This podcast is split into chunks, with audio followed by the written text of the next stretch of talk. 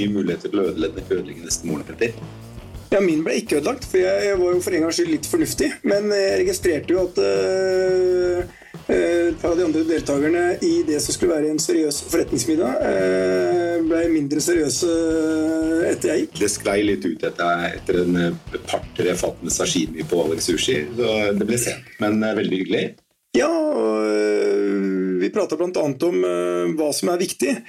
Og en av de tingene som er viktige, som vi prata om i går, det er jo litt eh, statlig eierskap. er vi for eller mot, Men vi snakker bl.a. om eh, en som eh, har jobbet med staten som hovedaksjonær i mange år. Og vi er heldige å ha han som gjest i dag. Ja, vi er det. Og ikke bare er han en viktig person for landet.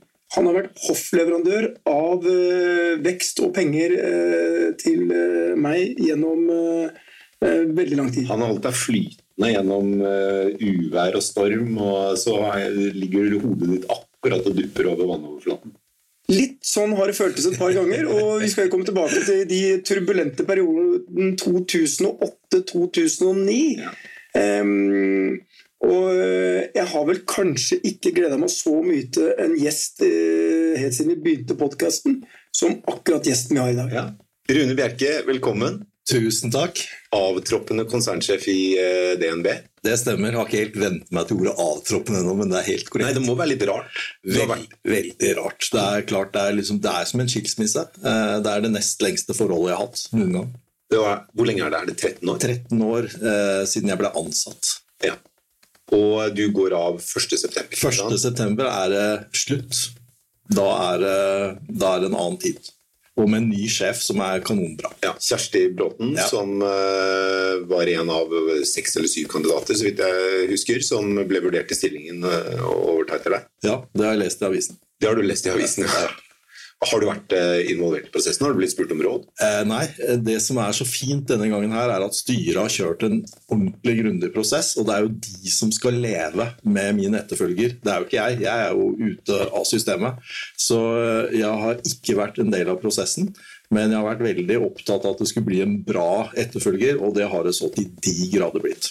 Men hvordan, den, Da du sto på pressekonferansen sammen med din etterfølger, hvordan uh, føltes det? Det, føl altså det var liksom følelsesmessig, et følelsesmessig øyeblikk. fordi det er sånn at Selv om du bestemmer deg for at du har, uh, du har det bra, at det er bra etterfølger, du har prøvd å motivere deg på at uh, det må bli slutt en gang, så er det sånn at når det virkelig går opp for deg at det er over, så, så kommer følelsene krypende innenfra. Da. Så jeg felte ikke en tåre der og da, men jeg kjente at det var veldig nære på. Det var litt trist også? Litt trist, men trist og godt på en gang. Eh, så, sånn sett så var det en, en, en lykkelig skilsmisse som først effektueres da 1.9. Ja. Hva skal du gjøre frem til det? Er det sommerferie? eller skal du frem jobbe? til det så er det DNB for alle, uh, for alle formål. ja. Men, eh, men, Rune, du er jo eh, De fleste kjenner deg som eh, sjef i DNB og bankmann. Men du, jo, du var ikke bankmann når du ble ansatt i DNB for 13 år siden? Nei, jeg kom utenifra, da. Og det var, det var et valg styret gjorde da. At de ville ha en, en kandidat som var ekstern. Eh, og jeg tror det hadde med det å gjøre at de ville ha inn på den tiden da, litt, litt nye og andre impulser. Så jeg kom jo fra Hafstund til, til DNB. Det er energiselskap for de som ikke Eller ja Et av Norges største energiselskap som du ledet. Mm. Men eh, det, du kom jo inn da i rundt 2006. Da så jo alt ganske bra ut. Og så øh, De fleste av oss som var med i 2008, det kom jo brått på når Lehman Brothers gikk konkurs. Og jeg har alltid tenkt på det. Når var det du skjønte at dette var nesten ragnarok? Altså det var Armageddon, og vi sto på kanten av et fullstendig finansielt kollaps. Det kom krypende gradvis, da. Eh, det kom krypende gradvis gjennom de høstdagene. Og det var jo mer og mer uro. Var, du hadde en britisk bank eh, med, med, med bankrønn som het Northern Rock. Du hadde hatt Blacksterns. Black Stearns. Du hadde, du hadde liksom fått noen alvorlige forvarsler på at dette gikk mot, mot det verre. Og når Lehman sprakk, så stengte jo markedene eh, totalt. Sånn at, Men det- du at vi, vi også, altså bankene er også avhengig av at markedene fungerer for å hente penger til kunder som deg. Men, men for, for dette må du forklare, for jeg tror det er mange eh, som lytter som ikke forstår at banker låner penger av banker, og dette er globalt. Banker eh, har jo innskudd fra innskyterne. Ja. Men det er liksom ca. 60 da, av det vi har lånt ut, det kommer fra innskytere. Så har vi noe egenkapital, det er ca. 7% På toppen av det så er det markedsfinansiering. da. Korte og lange lån med forskjellige typer papirer. Og Når de markedene stenger da, for den type papirer, så har du buffer og reserver, men de holder jo da bare en viss periode. Og hvis i tillegg, da, og det er jo det som ofte skjer når det blir frykt, at, at innskyterne tar ut pengene, så kan du få et såkalt bankrønn.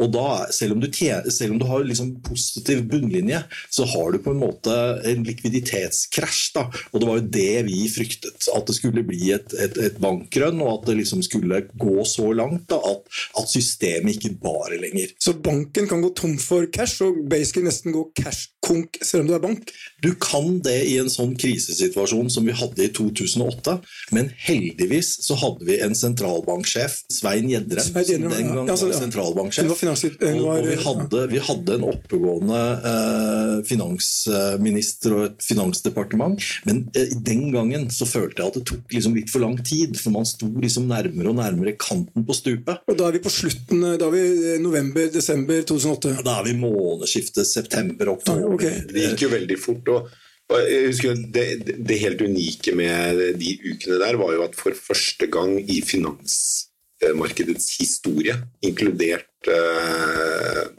utbrudd av første verdenskrig, inkludert utbrudd av andre verdenskrig, eh, krakk i 1929, det har aldri før skjedd at interbankmarkedet, som du beskriver, det markedet der banker låner eh, av og til hverandre, har vært stengt. Helt stengt. Og det var, det, var, det var derfor det var så alvorlig. Og når jeg husker ennå når statsbudsjettet ble lagt fram den gangen, da, i begynnelsen av oktober, så var på en måte ikke dette tema i talen til finansministeren. Og da begynte jeg å bli skikkelig redd. Det viste seg i ettertid at de jobba intenst på bakrommet med en løsning, men det, det virket ikke sånn da, utad. Så da var det veldig mye frykt og uro, og det gjaldt å holde hodet kaldt. Og vi satt døgnet rundt med kriseberedskap og, og, og var opptatt ikke bare av banken, vi var opptatt av hele Norges økonomi. Hvor mange timer sov du i gjennomsnitt i de ukene der? Nei, Du må jo ha, du må jo ha noe søvn, men, men jeg skal ikke, skal ikke nekte for at jeg drømte om kriser. Og jeg drømte de få timene jeg, jeg sov, så drømte jeg om det som var virkeligheten. Så du jobbet også da du sov, egentlig? Det definitivt. Hjernen virker sånn. Men, men, men når du er midt i den eh, krisa, Rune, ehm, er det noen ganger du egentlig tviler på at det fins ingen annen vei ut enn at staten må inn og bidra? Det som var det fantastiske med den krisa her, det var at når staten først bidro, så bidro de ikke med skattebetalernes penger til bankene. De, de subsidierte ikke norske banker. Det de gjorde, det var å ha en auksjon mellom bankene.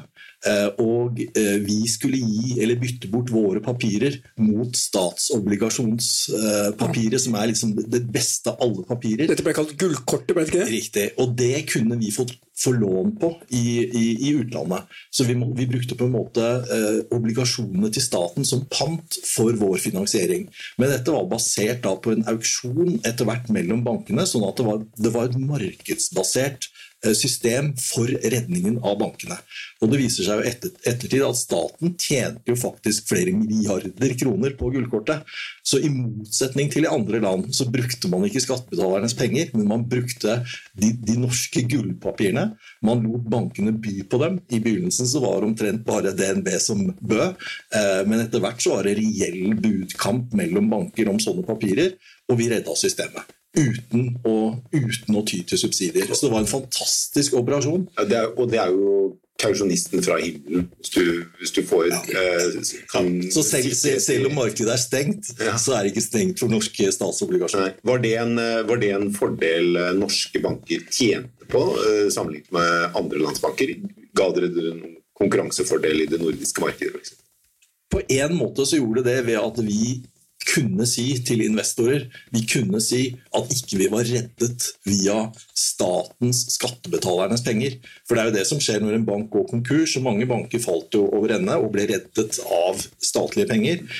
Vi gikk ikke kon- konkurs, vi tjente penger hver måned. Og midt i krisen så kom da denne pakken eh, som bidro til at det norske systemet sto sin prøve. Og skal du skjønne gjeldskrisen som kom eh, tre år etter i Europa, så handler jo den i veldig stor grad om eh, redningsforsøkene de ulike landene i Europa gjorde eh, under finanskrisen. Men, men, men litt tilbake, altså, bare for å ha, forklare dramatikken her. Det er jo på et tidspunkt Rune, slik at vi leser i norske aviser at proffe investorer Det var vel Øystein Det det, det kom en kunde, en amerikansk kunde, flyende over eh, og ba om et møte på mitt kontor. Vedkommende kunde hadde 1 milliard dollar innestående innskudd, og han spurte om den milliarden var trygg. Hvis ikke han hadde dratt fra kontoret mitt med et inntrykk at milliarden var trygg, og han hadde tatt ut den milliarden dollar, og det hadde blitt kjent, så hadde, hadde, hadde det vært farlig. Kunne det vært et bankrenn på DNB da? Teoretisk så kunne det skjedd, og det var det vi var redd for. Ja, og det, og det som skjer er at øh, Selv Øystein Steinsbedalen gikk ut og basically mente at uh, man burde ta ut pengene sine. Og det er Det, hjelper ikke midt i en krise Nei, å det- ha, ha noen da som, som, som, som, som skriker ut det budskapet. Men systemet sto sin prøve. Og, og, og jeg må si det at jeg har så stor respekt da, for embetsverk, sentralbanken, Finanstilsynet og eh, politikere fra mange partier i en sånn situasjon. For det er liksom noe av det bra med det norske. Da. Og det, det skiller seg fundamentalt fra det som var bankkrisen på, på begynnelsen av 90-tallet, hvor faktisk bankene gikk over ende. Men men jeg, jeg har bare én viktig for det. Han har da en kunde som kommer, og som eh, skal bare få trygghet for at han har 1 milliard dollar innestående. Min situasjon midt i dette var litt annerledes, for jeg måtte også snakke med Rune. Ja, hva var det jeg hadde tenkt å spørre om, faktisk. hvordan var Petter? Nei, altså, jeg, jeg, jeg må jo da Jeg, må, jeg, jeg er jo eh, Han skulle ha penger til å bygge hoteller. ja, ja, ja, ja. Midt oppi dette så sto han med prosjekter rundt omkring og skulle ha cash. Ja, ja, ja. Og det verste av alt, han fikk det. Ja, nei, men det, og det, det, og det, dette er jo en av de grunnene til um, at jeg mener DNB er en ekstremt viktig bank, og at uh, statens eierskap sikrer oss at ikke vi ender som et uh, filialland. Um, fordi Midt i den krisen så hadde jeg uh, ikke uventet store byggeprosjekter. Noe var finansiert, og noe skulle finansieres, som vi hadde sånn snakket om. Um, og så er det én bank, da, en danske bank, Østjøta, som da trekker seg fra den finansieringen jeg har. og Situasjonen er litt sånn uh, stressende for oss. Og jeg tenker jeg ringer Rune og hører hvor, hvordan situasjonen er. Um, og da ringer jeg. Og en, Jeg har jo noe penger stående i banken, men jeg har enda mer uh, Fordi Østgjøta ble jo kjøpt av Danske Bank. Ja, ja. Du hadde lån i Østgjøta, eller trodde Ja. du hadde lån? Jeg trodde jeg hadde noe. Eh, Så jeg hadde en liksom kombinasjon av flere ting der som ikke og, og, som alle andre åpna avisene hver dag. Og det var ikke grenser for hvor elendig det var, og vi var redd for liksom eh, et finansielt eh, meltdown, liksom. Og da ringer jeg Rune, og, mm, og han er jo i en situasjon da hvor ikke han kan si mye. Men han klarer likevel å formulere seg på en måte så jeg føler meg akkurat som amerikaneren. Det kommer til å gå bra. Du kommer til å få pengene dine. Vi, skal, vi, er, vi opererer som en normal bank, er sånn, men det er krevende. Hvor mange sånne telefoner fikk du? Uh, jeg, tror, uh, jeg tror flere i banken uh, fikk eh, titalls sånne eh, telefoner. Det var redere som hadde kontrahert skip eh, på norske verft, på utenlandske verft, uten at de hadde finansieringen på plass. Det var flere som hadde byggeprosjekter. Det var mange små kunder som skulle ha boliglån. og Det er jo det som er viktig, at, at banken fortsetter å virke i en krisesituasjon. Og eh, Det viser seg jo i ettertid også at norske banker de stilte stort sett opp for sine norske kunder. Det som ofte skjer, er jo at bankene trekker seg tilbake til sine hjemmemarkeder, prioriterer sine aller beste og viktigste kunder. og Det er jo derfor det er viktig at vi har eh, gode norske banker også. Og, og det blir prata om statlig eierskap her. Staten eier 33% i DNB. Det syns jeg er en fin eh, eierbrøk for en stat i et selskap som, som DNB. Eh, og det sikrer eh, at du har et hovedkontor i Norge over tid. Du, noe senere kom eh, det såkalte spleiselaget. Ja, det, Kan, kan ikke du eh, bare forklare kort hva var det? Eh, Vi fikk jo beskjed av en nytilsatt eh, finanstilsynsdirektør at vi hadde altfor lite kapital. Eh, og fikk helt andre regler å forholde oss til. Og fikk beskjed om at vi måtte bygge eh, kapital i størrelsesorden 50-60 milliarder kroner på toppen av det vi hadde. Og For oss den gangen så virka jo bare det helt, helt sprøtt. da. For det var jo liksom tre års overskudd. ikke sant? Det var null, Og det ikke utbytte. null utbytte til æren i tre år. Så vi følte jo liksom at dette her, det er umulighet. Og vi følte liksom hva skal vi gjøre? Eh, og vi tenkte at liksom ja, her må alle bidra, tenkte vi da. ikke sant? Altså Vi tenkte at kunder måtte bidra.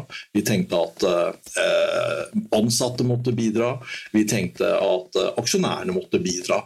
Og så eh, skulle bruke, eller jeg skulle bruke da, en metafor på dette. Og det var jo da eh, eh, begrepet spleiselag eh, ble lansert.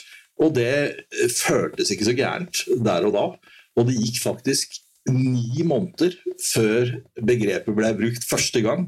Fordi liksom akkurat idet vi bygde denne kapitalen og regelendringene kom, og sånn, så ble det ikke så mye reaksjoner. Men når man da begynte å vende tilbake til normalen, og renten gikk opp, og særlig, særlig kundene og journalistene følte at det, altså spleiselaget var litt ujevnt fordelt.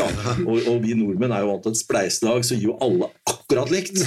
Eh, og da blei det liksom vanskeligere og vanskeligere eh, å, å forstå og forklare dette begrepet. Og jeg skjønte jo da at når du bruker en metafor, eh, så, så skal du være sikker på at den metaforen den bærer over tid. Ja, den- det gjorde ikke den den tåler også renteøkninger, Så det- var en gedigen tabbe å bruke den metaforen. Eh, men det skjønte, det skjønte jo ikke jeg da før det hadde gått over et år. Men hvordan var det dere bestemte dere for å, for å um, gjøre noe med det, da? Hva, hva var det som Nei, jeg måtte jo til slutt selvfølgelig legge meg helt flat.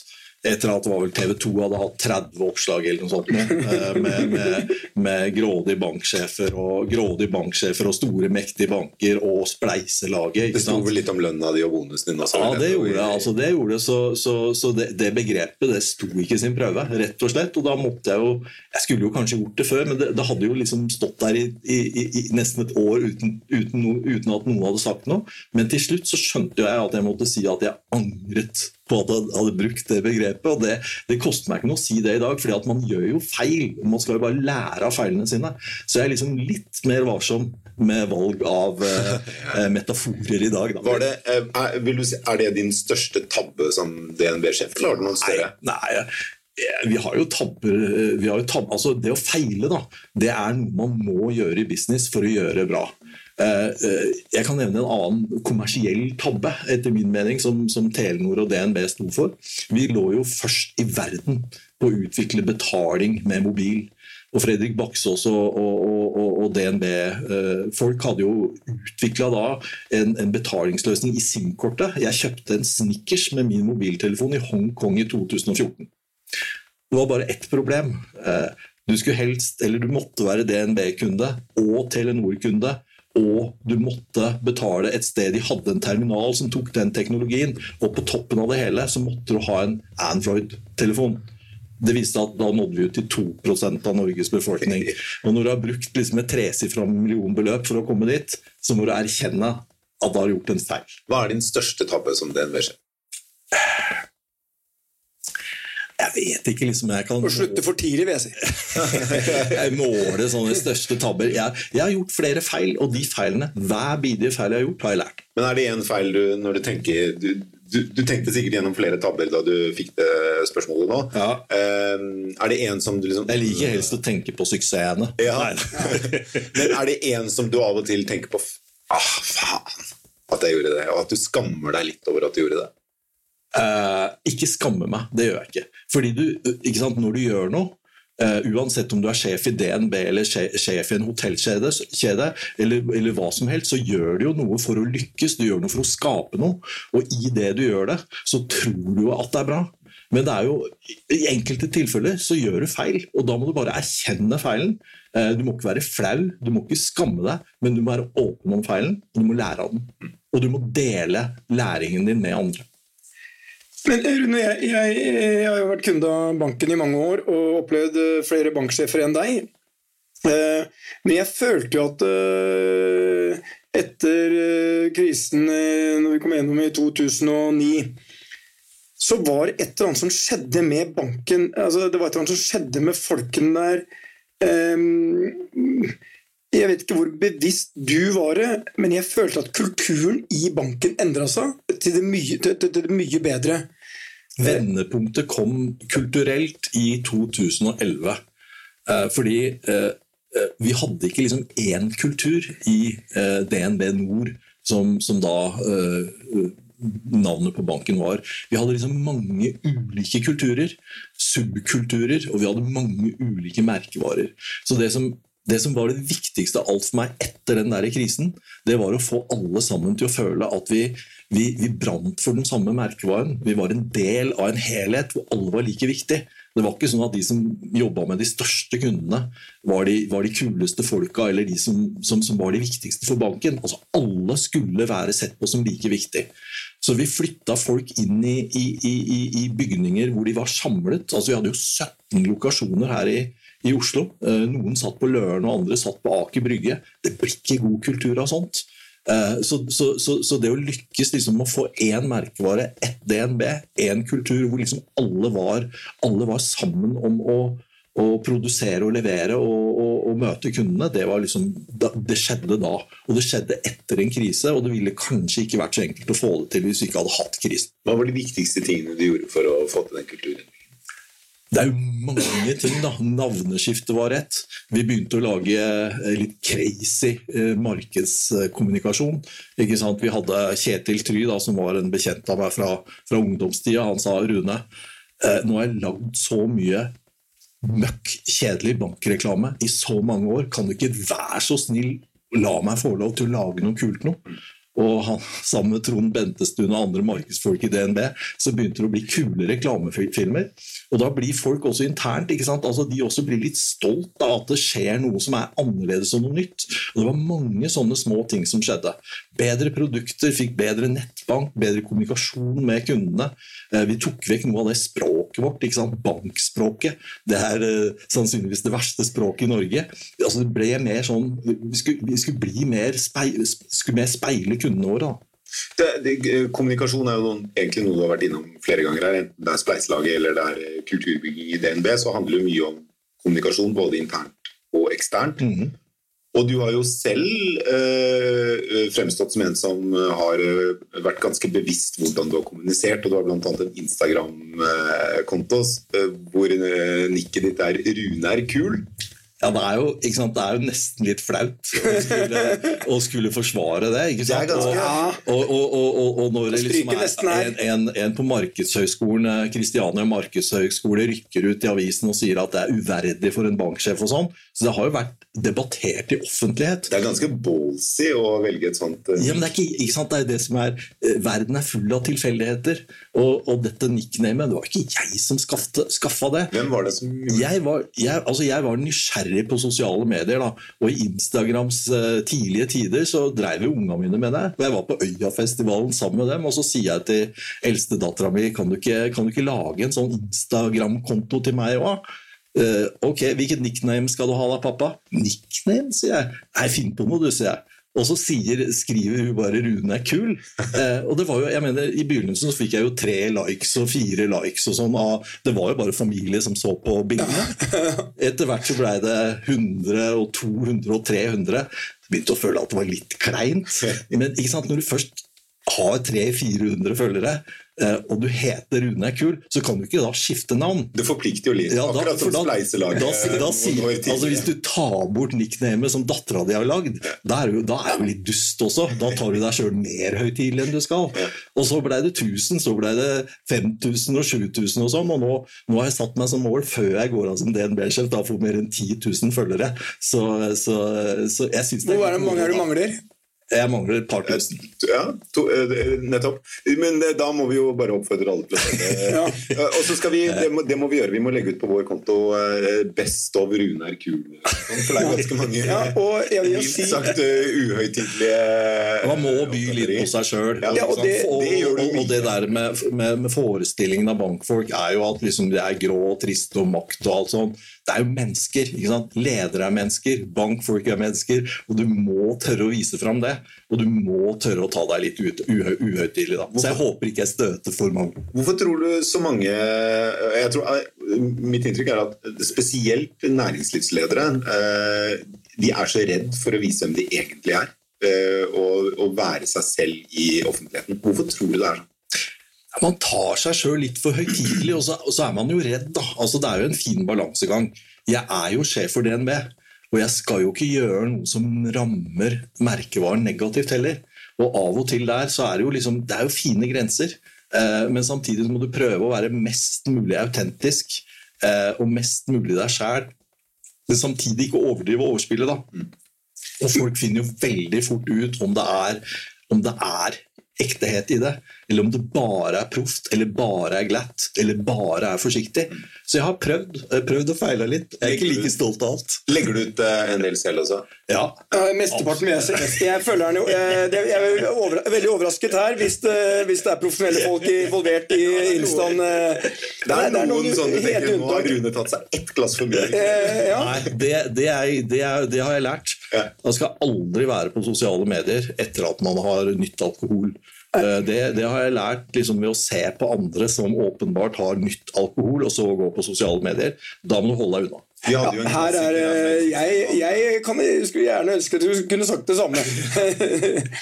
Ja, ja, du har han klassikeren, eh, den svenske XXL-sjefen som Ja. skjelte ut 13-årige Greta Thunberg. eh, eh, Han fikk jo sparken. han fikk sparken. Det, det, så det å by på seg selv eh, er jo, det er jo en Men- eh, Litt tilbake til så til må du ikke, må ikke mene for mye heller. Ikke Nei. sant? Fordi at Kundene våre mener ulike ting.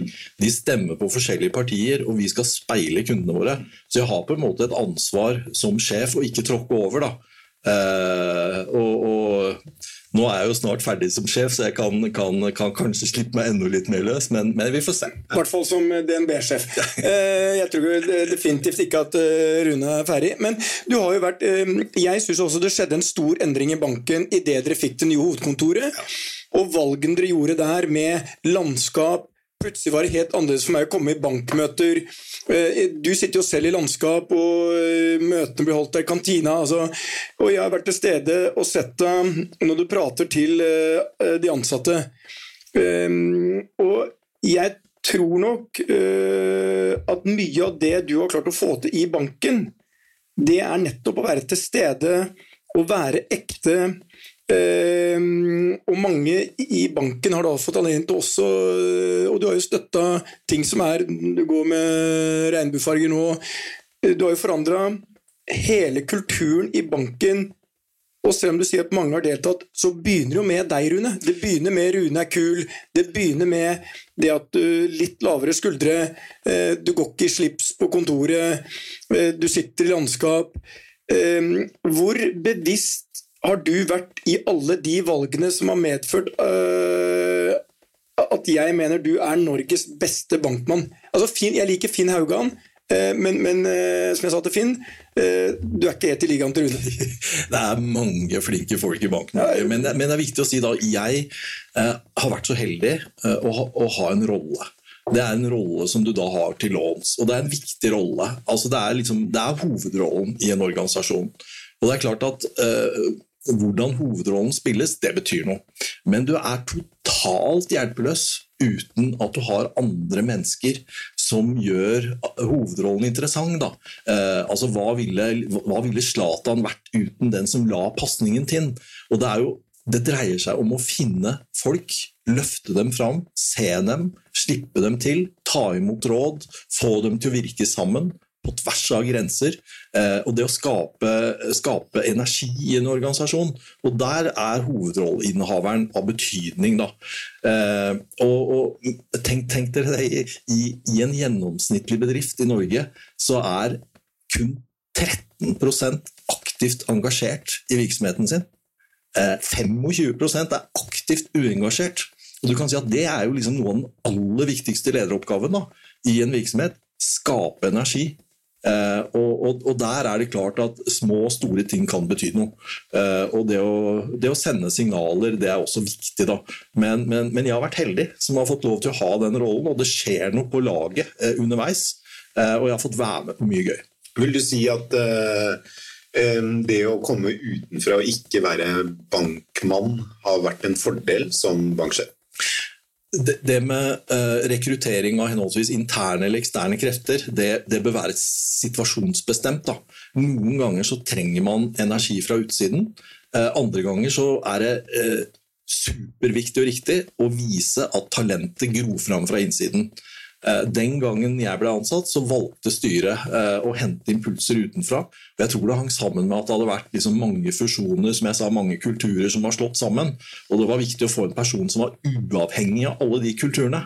Som ikke var blå eller eh, rød fra Postbanken eller grønn fra DNC eller vitalist fra Vital. Det gjaldt å få en som var totalt uavhengig. Og i det, i det øyeblikket der så var det tror jeg er riktig å ha en person som kommer fra utsiden. Hva vil du si har vært den, den uh, aller viktigste delen av din ledelse av DNB? Det viktigste, sånn som jeg ser det i dag, uh, som vi fikk til i DNB, det var uh, å skape VIPS. og etter at vi hadde skapt VIPS, så var det noe enda viktigere som skjedde. Vi ga fra oss majoriteten i VIPS til andre norske banker. Dermed så lagde vi en plattform som i dag eh, er eh, en fantastisk plattform som 90 av den voksne befolkninga i Norge bruker hele tiden. Eh, man har begynt å betale regningene sine der, man kjøper eh, på netthandel der. Eh, man eh, overfører penger etter at man har vært på tur sammen. Det er, blitt, det, er blitt, et ord, et begrep, og det er Norges mest likte merkevare det, det, er skapt i og innenfra i DNB, og vi delte suksessen med andre. Gjennom å dele suksessen så gjorde vi plattformen kanonsterk, forhåpentligvis så sterk at vi kan gå ut utenfor Norge og skape verdier. Så eventyret har så vidt begynt, men det er liksom kanskje det stolteste øyeblikk på vegne av DNB. Da. Jeg har, et spørsmål eh, når vi prater om uh, teknologi. Hva er forholdet ditt til blockchain, uh, bitcoin, altså sånne cryptocurrencies? I dag, eh, altså Nå lanserte Facebook en variant av det, eh, men, men la oss ta bitcoin. Hva er forholdet ditt til det? Eh, teknologien som ligger bak disse kryptovalutaene, som, som bitcoin, altså blokkjein-teknologien, den er viktig og interessant og kommer til å spille en rolle i framtida, både for banker og andre. Det jeg ikke liker med disse kryptovalutaene, det er at du veit jo ikke eh, hvem som står bak, og hvor pengene kommer fra. Og Noe av det som er så fantastisk bra i vår digitale tid, det er jo at de kriminelle kan spores via eh, digitale spor. Altså Du kan ta og knuse terrorister fordi du kan finne hvor finansieringen kommer fra. Du kan knuse mafiagrupper, du kan ta kriminelle, eh, korrupte eh, politikere hvis du har et godt digitalt forsvarsverk og gode digitale spor.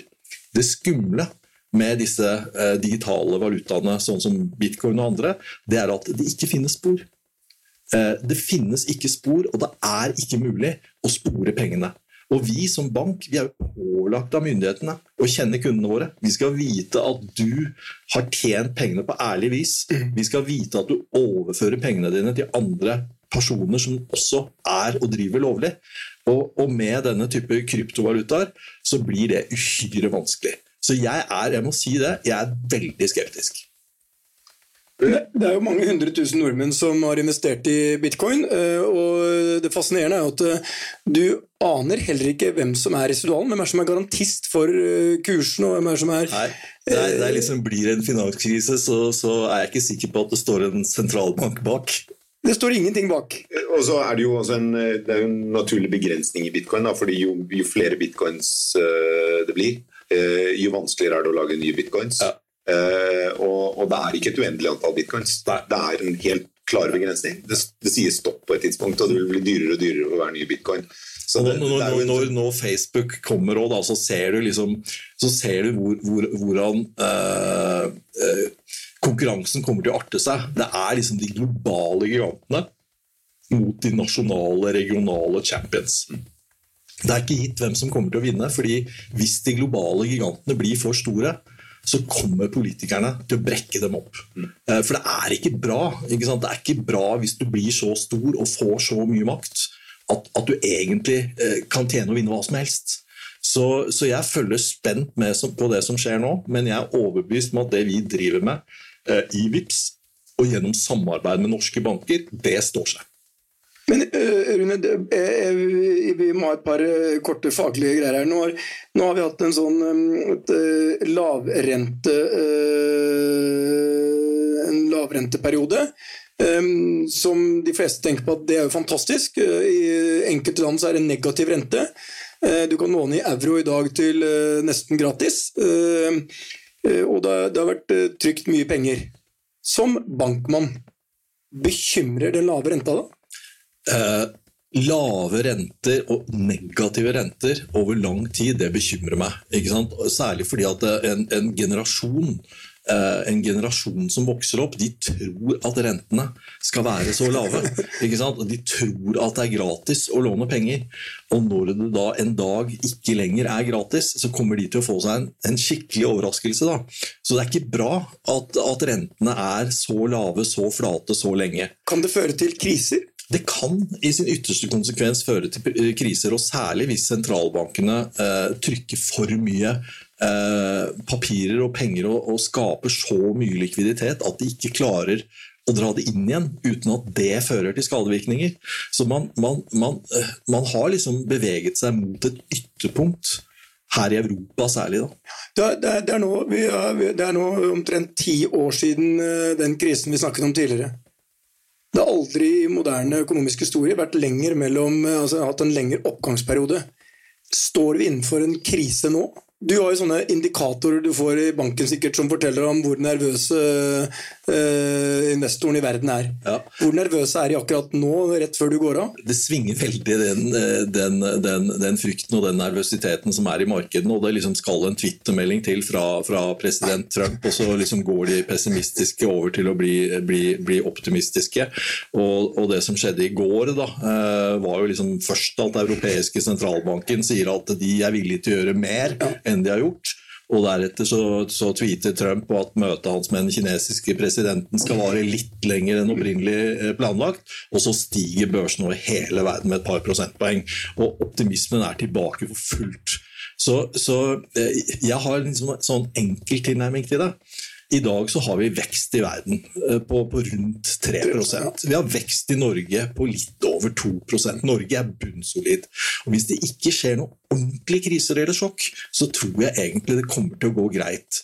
Og særlig kommer det til å gå greit, fordi det er det én ting presidenten er opptatt av, så er det at økonomien og markedene skal være positive før valget i USA november 2020.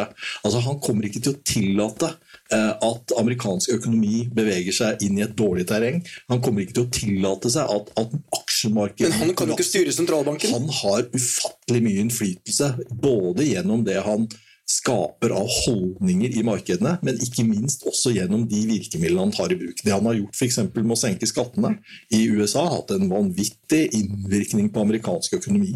Og selv om ikke han setter renten, så er det klart at når han eh, er i åpen fight med sentralbankmedlemmer osv., så, videre, så så tror jeg det påvirker litt.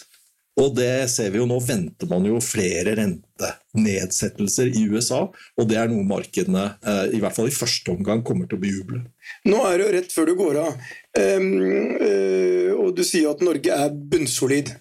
Hvis du Eh, kunne gi ett råd hvis du kunne vært statsminister, Rune. Så ikke, jeg ser ikke det som et helt usannsynlig scenario, du er gammel politiker. Nei, eh, så håper jeg at du kommer tilbake som politiker, hvis jeg skal komme personlig Statsminister altså, Rune Bjerke. Altså, det er totalt, jeg, jeg, jeg, totalt uaktuelt. Og, og, og, så det kan jeg avskrive på det sterkeste og klareste. Er du fortsatt medlem i Arbeiderpartiet? Eh, jeg syns at det er viktig for en DNB-sjef å ikke liksom flagge politiske holdninger, så det, eh, det, har jeg ikke lyst til å svare på. Men jeg kan, det, jeg kan, jeg kan, det, jeg kan, si, det er at de verdiene eh, jeg ble født og vokst opp med, det er verdier jeg kommer til å ta med meg så lenge jeg eh, er her. Okay. Ja, ja, ja. Der, et, vi, vi, begynner å nærme oss slutten her, men du har et par måneder igjen av, av tiden som uh, konsertsjef da, før uh, Kjersti Bråten tar over. Hva gjør du? Har du noen planer? Er det noe du må ha gjort før du slutter? Nei, det, du kan si det viktigste for meg nå, det er å ikke gjøre noe gærent for Kjerstin. Jeg må liksom gjøre alt jeg kan for at uh, når hun er mentalt på plass og fysisk på plass 1.9., at uh, skuta er i best mulig stand. Så Det er liksom det eneste jeg konsentrerer meg om nå. Å, uh, gjøre, gjøre, overgangen best mulig for henne. da jeg, på en måte, jeg, jeg, jeg, jeg må, må, tenke på alt annet enn meg sjøl nå. Bra. Uh, men vi har jo en uh, liten overraskelse på tampen av sendingen. Ja, og før det så vil jeg si en ting at banker er enormt viktig. Og de som leder banker, er enormt viktig. Um, og jeg kan si med sikkerhet at hadde det ikke vært for Rune, Eh, så hadde ikke Nordic Choice eh, vært eh, hva det har blitt. Vært min desidert viktigste bankforbindelse, selv om han sitter på toppen og ikke jeg møter han så ofte. Så har banken vært utrolig viktig. Og jeg tror det er viktig å forstå at det er enormt viktig for Norge å beholde norske banker. Min erfaring er at norske banker de er der, og de tenker mer enn bare på penga. De tenker på at de har et samfunnsoppdrag, eh, og der syns jeg eh, DNB i særklasse har gått foran. Eh, åpenbart at Rune har hatt med seg mer enn bare et solid bankhåndverk i de siste årene. Han har også hatt med seg et moralsk og etisk kompass for hva man skal være som leder. Og det har vært mye Og jeg må jo si at Rune er langt mer enn bare kul. Og selv om ikke jeg kan velge, så, så hadde han vært en glitrende politiker. Er du ikke enig i det, Per? Jo, jo, det er jeg helt sikker på. Men du, vi må runde av med ukas bær, Petter. Ja. Ukas bær det er jo uh, segmentet der vi hver uke heier frem noen eller noe som vi bare digger. Ja. Uh, og denne gang gir det seg jo litt selv. Da. Vi uh, ikke bare deler ut et metaforisk bær, men vi har en jordbærlue også. En fin liten rød sak som holder ørene varme høst og vinter. Og den, den, er jo perfekt for Instagram. Den er perfekt for Instagram. Kjenner du noen som har en Instagram-konto? Jeg kjenner en som har en Instagram-konto, og, og, det mest legendariske bildet er jo det når han står i eh, hettegenser ja. Eh, med vips på. Ja. Eh, men han er i ferd med å lage et mer legendarisk bilde nå. Ja, og Skal han klare å nå de 10 000 følgerne sine, så, så, er det helt åpenbart at det som kan være med å dra den Han trenger hjelp. Han trenger hjelp. Få Rune Erkul-kontoen opp i 10 000 fort som bare det. Ja, Uh, og jeg skal bruke hele min uh, sosiale mediestyrke til å hjelpe han. Han har hjulpet meg gjennom mer enn ti år. Dette er hjelpa jeg kan uh, gi tilbake. Jeg skal bruke Noen followers. Solid Instagram-konto som jeg har snakket om tidligere. Ja, familie, Den utvida familiegruppen. Det renner inn med følgere her. Ja. Du, Rune, du har skjønt det. Ukas bær går til deg. Oh. Har vi, vi, har ukas Her er Her er ja, det er Vær så god. Vel fortjent. Tusen takk. Fortjent. Da er vi ferdige for denne gang, er vi ikke det, Petter? Vi er ferdige. Tusen takk. Og vi er vel ferdige, Det er vel siste sending ja. før uh, sommeren? Det er bra du sier det, så ikke vi tropper opp i, i studio og lytterne uh, sjekker iTunes-kontoen sin neste uke. Fordi, ja. Hva skal du gjøre i sommeren? Nei, hva skal du gjøre, Per? Jeg skal, uh, jeg skal jobbe litt. Og så skal jeg være litt på fjellet, og så to uker i Frankrike. Som jeg gleder meg vanvittig til. Hva gjør du, Rune? Eh, det blir eh, mye Oslo i sommer. Det blir mye Nakkholmen. Eh, har du hytte der ute? Ja, hytte på Nakkholmen. Så det har vi hatt en lang periode. og I fjor så var det lite, lite tid til Oslo. I år skal det bli mer tid til Oslo. Deilig. Er det sånn at du bor der og jobber, så tar båten over? Litt on and off. Så Tidligere om åra så bodde vi der mye, men nå er det liksom mer at vi ser litt an på været og ser litt an på hva vi har å gjøre i byen osv. Og, så videre, og det er så kort avstand. Ja. Hva skal du gjøre, Petter? Jeg skal Etter Almedalen så drar jeg rett til hytta med barna. Ehm, og jeg forbereder jo barna mine nå ehm, på samme måte som Rune forbereder kommende sjefen i DNB. At eh, en dag så er det noen som må trekke seg tilbake. Og for meg så tipper jeg det blir om ca. 25 år. Den neste Olav Thon. Nei, Olav har ikke gått av ennå. Han, han, er 112. Ja, ja. Så, du, du, ja, okay. så du satser på å gå litt før han, da? Jeg har sagt at eh, pensjonsalderen i Strawberry, den er 80. Den er 80, ja. Bra. Tusen takk skal du ha for at du kom i studio, Rune. Det var veldig hyggelig å ha deg her. Like. Og lykke til videre. Tusen, tusen takk. Så må dere ha en riktig god sommer. God sommer. Takk. like.